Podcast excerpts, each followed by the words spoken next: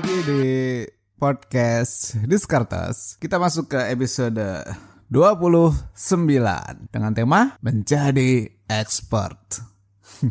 Udah panjang ya. Oke, di season kedua ini gue akan angkat tema tentang masih keuangan, investasi, ekonomi dan bisnis dan Selalu challenge mengulik ide-ide baru dari buku, orang-orang di sekitar, maupun berita yang baru muncul. Jelas ditambah dengan ide dari gua sendiri. Ya, karena di podcast gua.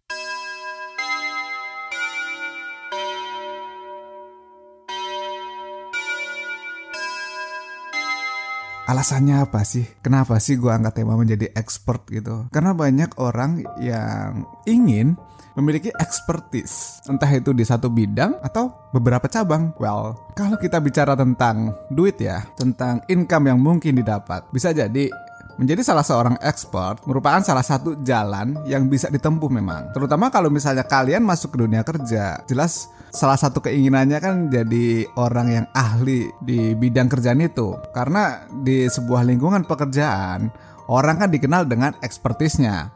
Misalnya, expert marketing atau ahli urusan pajak, expert keuangan, dan banyak-banyak. Pertanyaannya kamu bekerja di bidang apa? Expert di situ tuh apa? Pasti ada kan? Di mana pun lu bekerja, pasti ada orang yang dianggap ahli. Dan orang yang dianggap ahli tentu ya gajinya akan beda sama yang fresh grade dong. Pasti beda karena kontribusi dia, pengalaman dia itu dinilai. Bagaimana kontribusi dia ke perusahaan, bagaimana value orang itu ke perusahaan, itu yang menjadikan perusahaan mau bayar sedikit lebih mahal.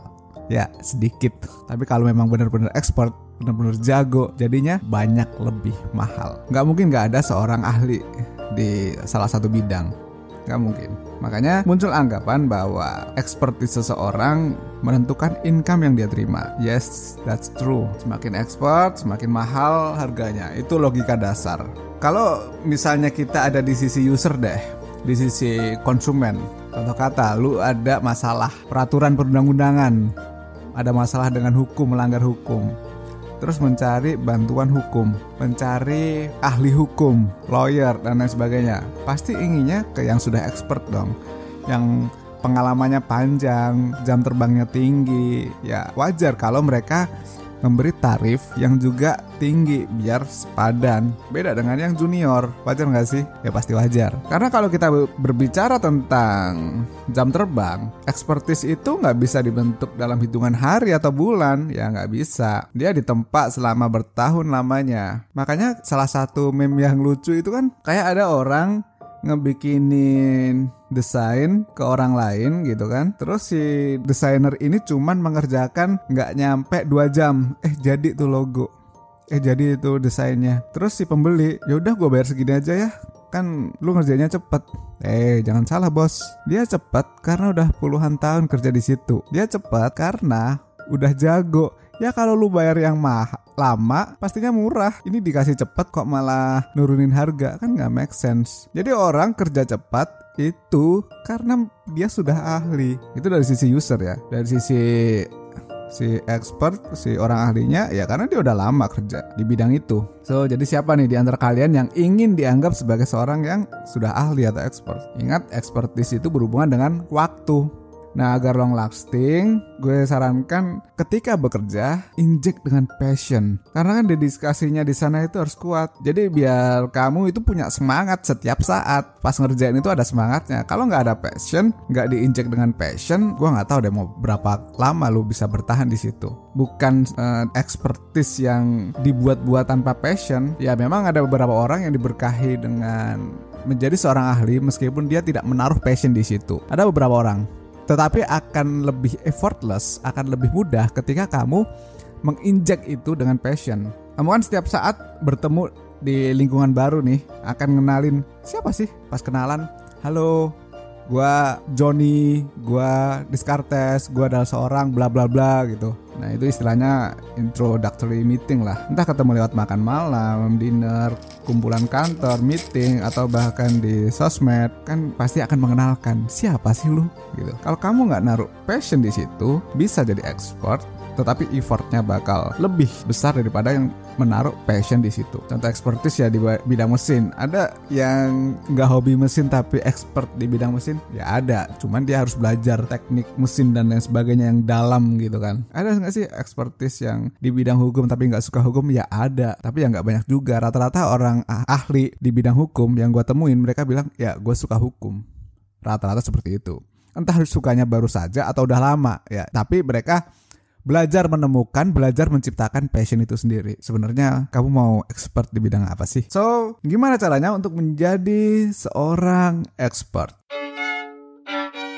Gua clustering jadi beberapa poin ya. Pertama adalah small project. Apa itu? Artinya jangan malu kalian kalau ngerjain hal yang kecil. Sebelum gede, pasti dari ukuran yang kecil dulu kan. Ukuran yang bayi dulu kan. Nggak mungkin lo segede sekarang tanpa jadi bayi. Sama dengan kerjaan. Bahkan sebelum mendapat small project, kadang-kadang lo akan disuruh ngerjain hal-hal yang di luar subjek kerja lo.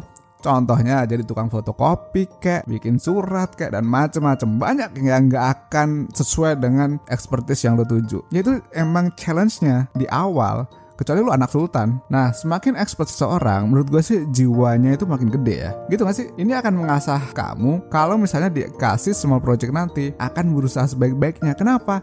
Ya karena sebelumnya even gak dapat project sama sekali Meskipun kecil gitu Orang disuruh di luar project itu Tahu nggak alasan sebelum project besar Orang biasanya dikasih small project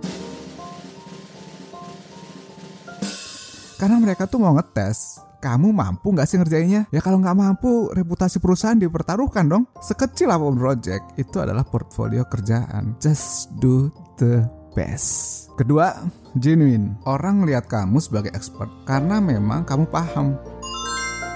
Bukan hanya menampilkan di media sosial, no, karena jika cuma kayak pencitraan gitu dalam tanda kutip ya akan ada masanya lu hancur gitu. Jadi ketika mengenalkan diri sebagai seorang expert, maka harus menciptakan kejenuinan tadi, upgrade skill kamu, mengkreasi secara ilmiah, nggak dibuat-buat karena kamu memang into pekerjaan itu.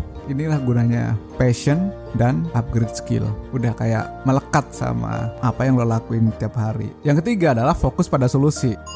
Nilaimu mahal di kantor kalau jadi solusi, bukan jadi beban. Ya, kalau jadi beban pasti akan dibuang dong. Simple. Kamu baru bisa masuk dalam kategori expert ketika jadi solusi. Solusi dari sekelilingmu, solusi dari bosmu, solusi dari masalah yang ada. Karena seorang ahli, seorang konsultan atau apa pun itu, dia dibayar karena menghasilkan solusi, memberi jawaban atas masalah bukan membuat masalah yang baru untuk menjawab masalah sebelumnya. Ya itu nggak ngasih solusi namanya. Ingat ya, bukan beban. Yang keempat adalah point of view. Kalau kamu ingin jadi expert untuk jualan, maka coba mikir sebagai buyer. Kalau kamu ingin expert di bidang konsultan keuangan, Coba lihat dari sisi klien. Intinya kalian harus visualisasikan lu bicara dengan diri sendiri deh coba. Bicara sama tembok boleh, bicara sama botol minuman silakan. Dari dua point of view yang berbeda. Itu akan memperkaya perspektif atas solusimu. Nggak satu arah tok jadinya. Lu akan ngerasa, oh ya, kalau gue dikasih tahu kayak gini, gue nangkep. Oh kalau yang ini gue nggak nangkep nih. Oke, jadi point of view-nya itu biar dari dua pintu paling enggak dua pintu dua mata. Ya dua itulah pokoknya. Yang kelima konsisten. Yes sudah jelas lah ya. Biar apa? Konsisten di expertise ini. Tapi pesan gue adalah jangan maruk. Meski kita ada di podcast tentang keuangan meski lu udah jadi seorang expert jangan maruk. Oke, itu yang bisa gue sampaikan. Mudah-mudahan kalian lekas menjadi expert di bidang masing-masing, jadi orang yang ahli, jadi orang yang ada gunanya buat yang ada di sampingmu. Sampai jumpa lagi di podcast Discutters episode selanjutnya. Bye bye.